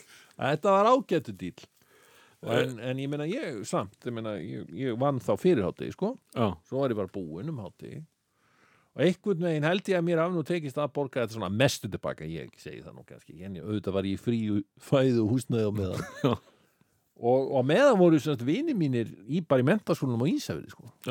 Ég hefði svo sem alveg geta tekið þann pól í hæðina sko. En nei, nei, ég listamöður Já, það er ekki oksmá þar. nei, Eh, en eh, sko, listamæðurinn hefur þarna þá halvan dag fyrir sig. já, sko, þú ert byrjar að semja fyrir vinsaldalista Sigurjóns þarna eh, mjög snemma. Ertu, ertu ekki að fara að gera það meira því þarna? nei Nei. þessi hálfi dagur fór alltaf í eitthvað bölvarugl, bara ég lagði mig mikið og hlustaði á útvarpið Mm. Rás 2 var þannig nýkomin Já, alveg. rétt. og ég eða hvað, og einhverjar plötur og eitthvað, ég var bara ég var wasting time sko Mm. En en hvað tekur síðan við þegar þið farið í, í, í borgina? já, þá flytjum við bara í Kóbóin þá, þá hérna þá byrjaði ég við flytjum hann um sumarið og ég byrjaði þá í að vinna í landgræslu, gerðingavinnu hjá landgræslusjóði Já. helvíti næs, sumarvinna Mm. og þar kynnist ég tveimur áhrifavöldum í lífið minu þremur, með að segja. Ég, ég kynnist sem sagt uh, frænda mínum sem ég hafði í rauninni ekkert kynst vegna þannig að alltaf verið í Ameríku, Þorgeri Guðmundsinni sem að síðar var, var kvikmyndagerðamaður og, og hérna og annar eh, meðlumur hljómsveitarinnar Hank og Tank Já. var líka bassaleikar í Singapore Sling. Já. Við erum sem sagt sískinaböld við, við Tokki og síðan er eh, síðan er þarna ungur maður sem heitir Ævar Ísberg, jafnaldri minn Mm. sem síðar átti eftir að vera trommarinn, fyrsti trommarinn í ham Já. og Sigurður Björn Blöndal Já, það er bara strax þarna. Já, þessir þrýr taka þarna á móti mér í gyrðingavinnunni í landgræslusjóði. Þannig að þarna byrja nú að verða til fyrstu svona, Fyrstu draugin. fyrstu draugin af því sem síðar var hljómsveitin ham. Já. Þó reyndar ekki fyrir þremur árum síðar. Eh, En, en eh, þarna er þetta bara einhver útivinna og, og, og þarna er þetta að tengjast eh, nýjum mönnum. Já, Eh, en sko, þú er náttúrulega búin að reyna þig hérna í hálft ár í, í, í breiðholtinu. mm -hmm. Eh, náður að tengjast einhverju þar? Já, þar hitti ég fyrsta sinn uh, mann sem hefur lengi gengið undir nafninu Bjarni Bömmер. Já. og hans frægasta það var bara mjög frægt þegar að hérna, Ragnar Kjartansson myndlistamæður fekk hann til þess að sitja í kofa á lauganisinu í hvað, viku eða eitthvað, ég manna ekki og hlusta á Eagles og verki hétt Bjarni Bömmер hlustar á Eagles Aha. Bjarni Bömmir var með mér þarna í, í eh, allavega tónment og einhverju slíku. Var, við vorum svona bara, við kynntumst svona því að við vorum klættir svipað sko Mm. og hlustuðum báður á Kabarut Voltaire og eitthvað svona sko Mm. og Joy Division og já, hann já, ég held að hann hafi líka verið í Singapore Sling. Nú, ok. Já, já, ég það var einhvern veginn spurt sko, þegar Singapore Sling voru upp á sitt besta að, þá kom einhver náungi til mín hvað okkur varst þú aldrei í Singapore Sling eins og ég eins og það var einhver einhver heilug skilda Já. en mér var aldrei búið í hana Þið var aldrei búið í hana. Eh, en, en, og ferðið í skóla þá um haustið það? uh, Það já, þá fer ég í MK sko. Þá fer ég MK já, haustið 85 og, og ertu að læra hvað? uh, bara þetta basic Já. mentaskóla eitthvað. Einmitt, og einmitt. Mjög spennandi. Eh, Á þessum tímapunkti þá er nú, komið í ljós uh, sko listneg þín. Já, uh, tónlistagáur aha. En, uh, en komík Kómík, varstu já. farin að vinna með það eitthvað? Nei Ég var ekkert að vinna með það Ég bara var í þessu einhvern veginn Þetta var svona en ég meina húmor var aldrei langt undan svo sem Nei, Ég var aðeins svona að gera kvikmyndir á þessum tíma sko á 8mm filmu með Já. því mitt tokka frænda mínu en það var ekkert grín Það- það var já. háalöflegt stöf sko. það var list það var list og hérna nei, nei, en, en þú veist ég, ég þótti alltaf eitthvað fyndin sko, í gamla daga. Þú veist, sem bæði í barnaskóla og gaggraskóla var ég, var ég svona daldið bekkja fýblið sko, Já er það? svona þannig séð Með, með fýblagang þá já, bara smá fýblagangur en það er svona kannski já, en samt svona þróskara grín heldur en venjulegan fíbla, mjög Já. mjög. Hvenar, hvenar hérna ferði eitthvað að vinna með Það er í rauninni ekkit, ekkit alvarlegt sko, fyrir en, fyrir en að gerist að, að ég hitti þarna náunga sem að heitir uh, Jónsi uh, og, og síðar lesið það í þjóðvölunum að hann kalla sig Jón Gunnar uh, að því að hann var eitthvað að, semja ljóð sko. hann leit heldur ekki á sig sem grínista sko. hann var líka listamæður mm. ljóðskáld og ritufundur og hérna og, en við vorum einhver það var alltaf einhver húmor sem datt inn þegar við hittumst og, og það var alltaf eitthvað, allt var voðalega fyndið. Og Ma, Manst eitthvað hvernig, hvenar þið finnið þessa tengingu að, að þarna, þarna eh, kveikjum við á einhverjum? Já, það var bara strax sko. Bara í fyrsta kvöldi sem við hittumst. Þá, þá fórum við að gera grín af hérna þá vorum við að gera grín alveg landkynningu yes, this is Austurvöllur. It is a great place. Þetta var eitthvað svona fíblagangur og, og hérna en þá er, þá er hamið komið í gangi það ekki? Nei, ekki alveg, ég held að við veist 86 við Jón sko. Já, En við vorum þannig að báðir að vinna á Kópóðsæli held ég 87 sko. Þá einhvern veginn, það er í gegnum það sem að ég fer aðeins að hanga meira með honum sko. já þegar, þegar hann eh, Já, að þú veist, þegar hann þurfti að ta- vildi fara að taka kaffitíma, þá kannski hringdi hann í mig að "Ég, taka kaffitíma og þess að rúnda um. Það gæti alveg verið í klukkutíma sko. Ó, Af því að var kannski með einhvern vistmann í aftursendinu. Það var gaman að því. En við vorum svona kallar og hérna uh, og, og svo er það bara daldið þannig að þetta, þetta gerist meir og minna að ég er að taka það alvarlega síðan sem ham og hann er á þessum tíma þá líka ofta að koma fram á hamtónlingum að lesa upp eitthvað sko. já, þá, þá er eitthvað tengt sigumólun líka Já, já. þetta þótti the thing á Já. þessum tíma sko að, að halda tónleika og bjóða ljón, ljóðskaldi að lesa á undan sko. og ég man að alveg sérstaklega eftir einu giggi á, á kjallara keisarans það var staður sem við spiluðum þetta á og Jón var, fengi, var að lesa úr bókinni Börn ævintýrana Mm. sem var hans fyrsta ljóðbók og fólkið í kjallara keisarans var ekki par hrifið af þessu uh, og "Ey, hvað er henni því en Jón svaraði fullum hálsi alltaf. Haldi kjafti. Og og ég mátti alveg líka mæta smá hortnauga frá félögum mínum í ham sko, hvað ert alltaf að fá hann eitthvað? Já, varst þú sem að fjækst hann? Já, ég veit alltaf svona í því. Já, það var svona thing to do. Smekk hérna sko, sigumólunir fengu Jóhamar og, og Sjón og einhverja svona menn til þess að lesa já, þá var Jón Gnar svona okkar maður sko.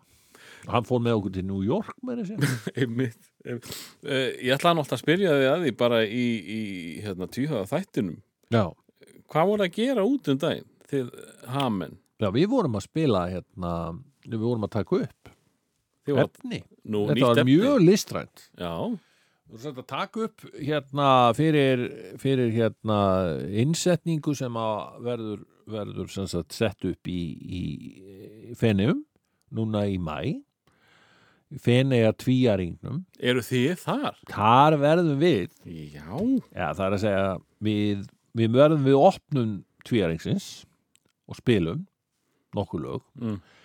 En þetta sem var tekið upp þannig í New York það verður sem sagt uh, það er hluti af innsetningunni sko. þannig að fólk gengur í gegnum svona hella sko sem eru alls konar á litin og tónlist tónlistin þarna mun, mun lúpast þar sko, er, er þá einn hellirinn hamhellir eða?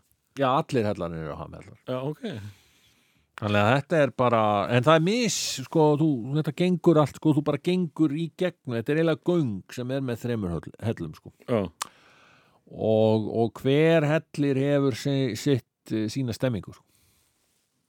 Þannig að þetta voru við að taka upp í stúdíó í Hoboken.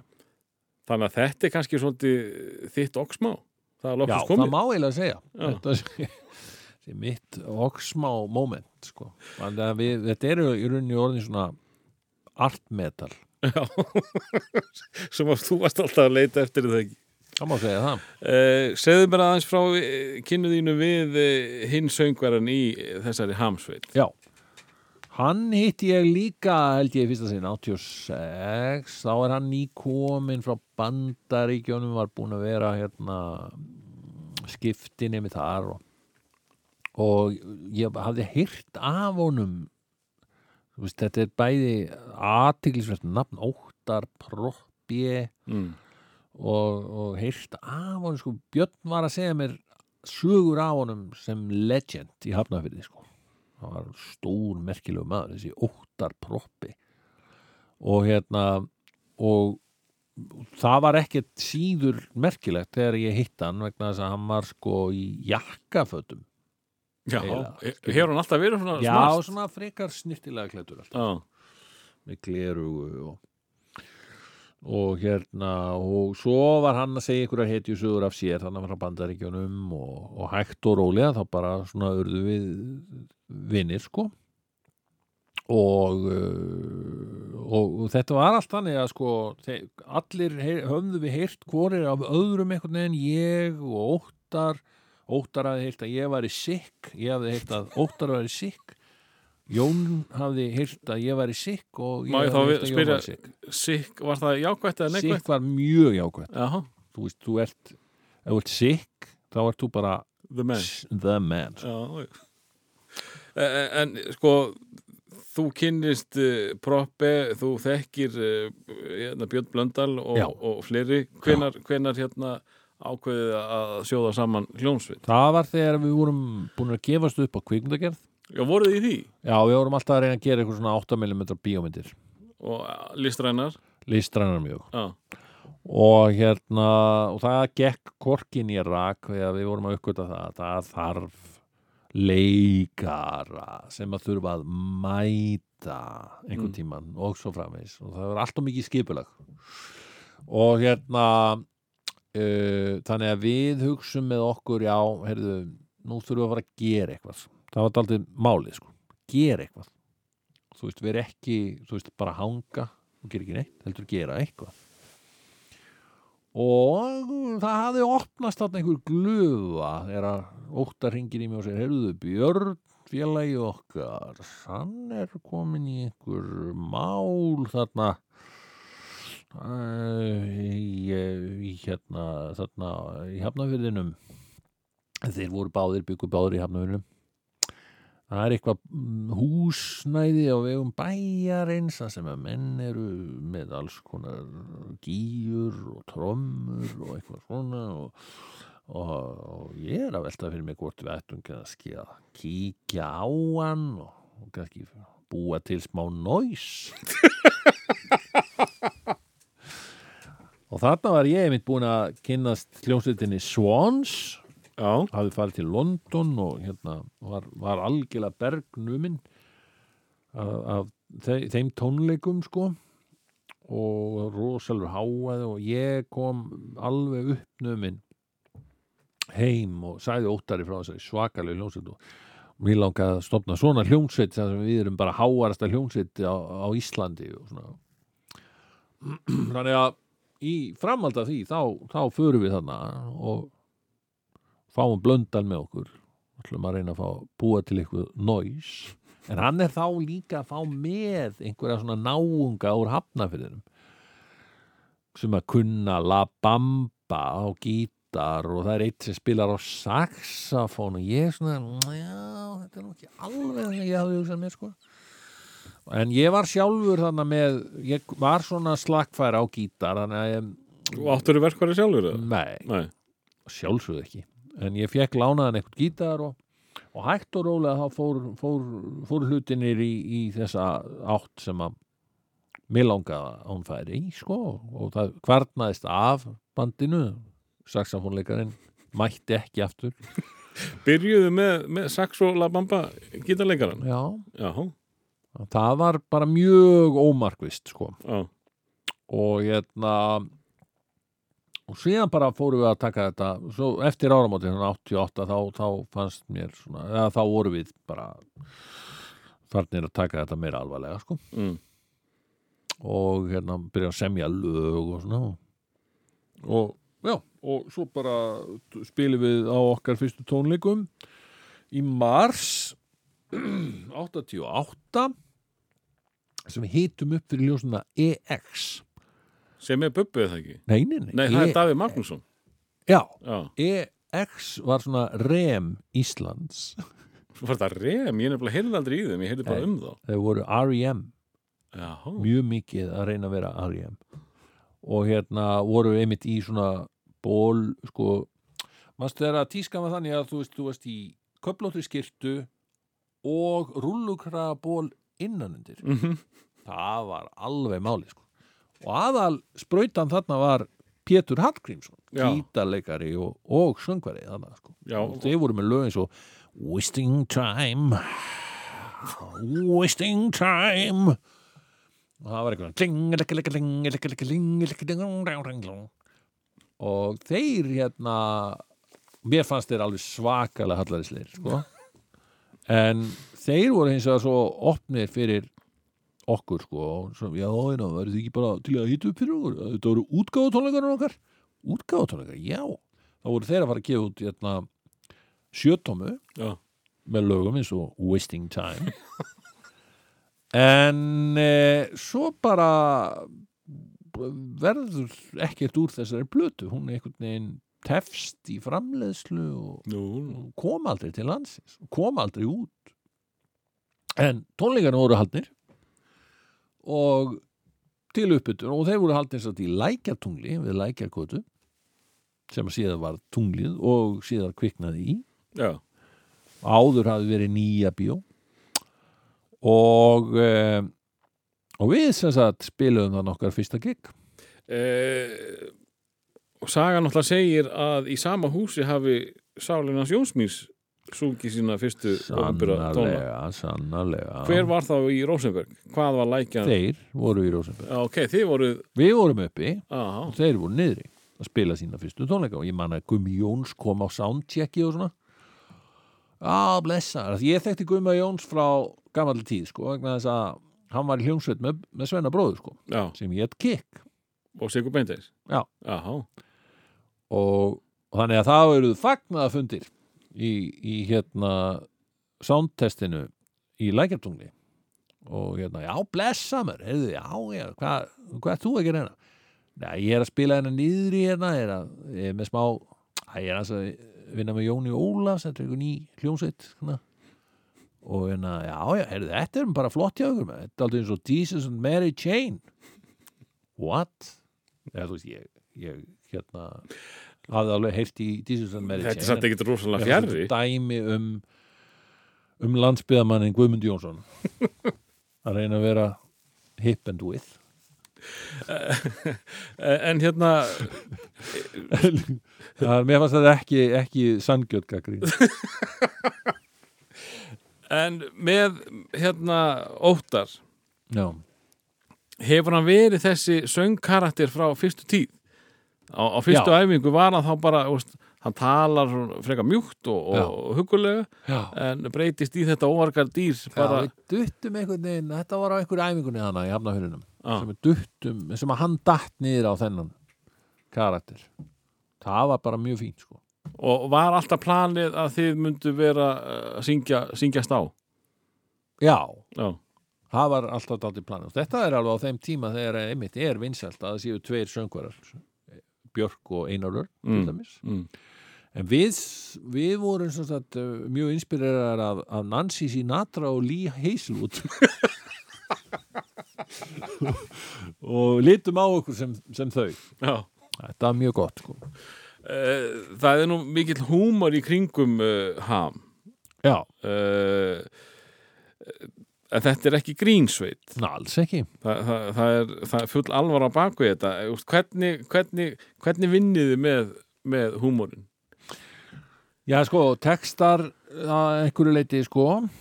En ég meina, nei, nei við, við, vorum ekki að, við, við höfum aldrei hugsað þannig að, að sko húmor sé aðalmálið sko. Nei, maður sá það mikið í, í heimildamindinni til dæmis að, að þar var stutt í húmór já, já, og það var oft talað um það hann, ég man að Sigtryggur Baldursson hafði orð á þessu að við vorum aldrei að túra með sigurmólunum á þessum tíma. Og hann fannst svo aðteklis að sko því þessir ham drengir sko spila svona voðalega drungalega og alvarlega músík en svo er þetta einhverju mestu gleði menn sem að, sem að finnast og hérna og menn voru að gaggrín okkur að hafa ekki meiri húmor í tónlistinu og þú veist hvaða hvað, ég meina, erum við stuðmenn eða spurði ég á móti sko Hva, hvað, hvað voru það að vinna með það? Því, þið voru stundu kallaðir pönkljónsveit, þungarokkljónsveit Já. hvað er ham? uh, sko ég við veit, ég veit ekki við, við höfum bara alltaf daldið skilgrin við, við ætluðum að verða svons og hérna og svona í fyrstu voru menn að líka okkur pínleiti við svons svons er sem sagt svona New York svona noise hljómsveit sem að síðar varði eitthvað annað og eitthvað svona og þeir hafa aldrei skilgreint sig neitt sérstaklega. Um, uh, en, en sko og þeim var spynt saman við Sonic Youth á tímabili en voru samt algjör anstaða Sonic Youth. Þetta var Ok. svona svipu sena sko. Já, og hérna uh, uh, en, en, en við já, þannig að við vorum svona einhvers konar svoleiðis hljómsveit en síðan bara leittust við í að, að verða að, að spila svona hefðbundnara rock skiluru og, og, og gera grína þungarokki, við erum aldrei að hugsa okkur að verða þungaroksljónsveit sko. Og lög eins og partibær er til dæmis svona bara þungarokks grínlag skilur við þó við sé ekki grínbeint og jú, jú, halló latti koma reynda fyrir í textanum. En hérna, en sko Mér finnst eh, alltaf alltaf fallegt að þið tala um að hafni sé ekkert krumma sko, það, það, sé, sé partíbær nákvæmlega, á þeim tíma var ég mikið í höfnum í partíum. Já, Já, já, frábært og hérna, og við vorum já, við náttúrulega rúndum taldið á hafnir á þessum tíma, sko, Já. vorum mjög inspireraðir einhvern veginn af suðunisum og hérna og um, og, og, og en síðan svona hægt og rólega bara finnum við það, að ég meina við eigum ákveðin svona við fílum að ákveðinleiti eitthvað svona þungarokks en erum ekki þungarokks samt. Mm. og við höfum aldrei skilgrind okkur sem slíka en við höfum aldrei sagt, þú veist, þegar, þegar þungarokkarar, því að það er það er einhvern veginn svona mestu kærleiksbyrni sem, sem þú hittir, það eru þungarokkarar og þegar þeir taka mann í, taka okkur í sinn faðm þá, þá segjum við ekki nei.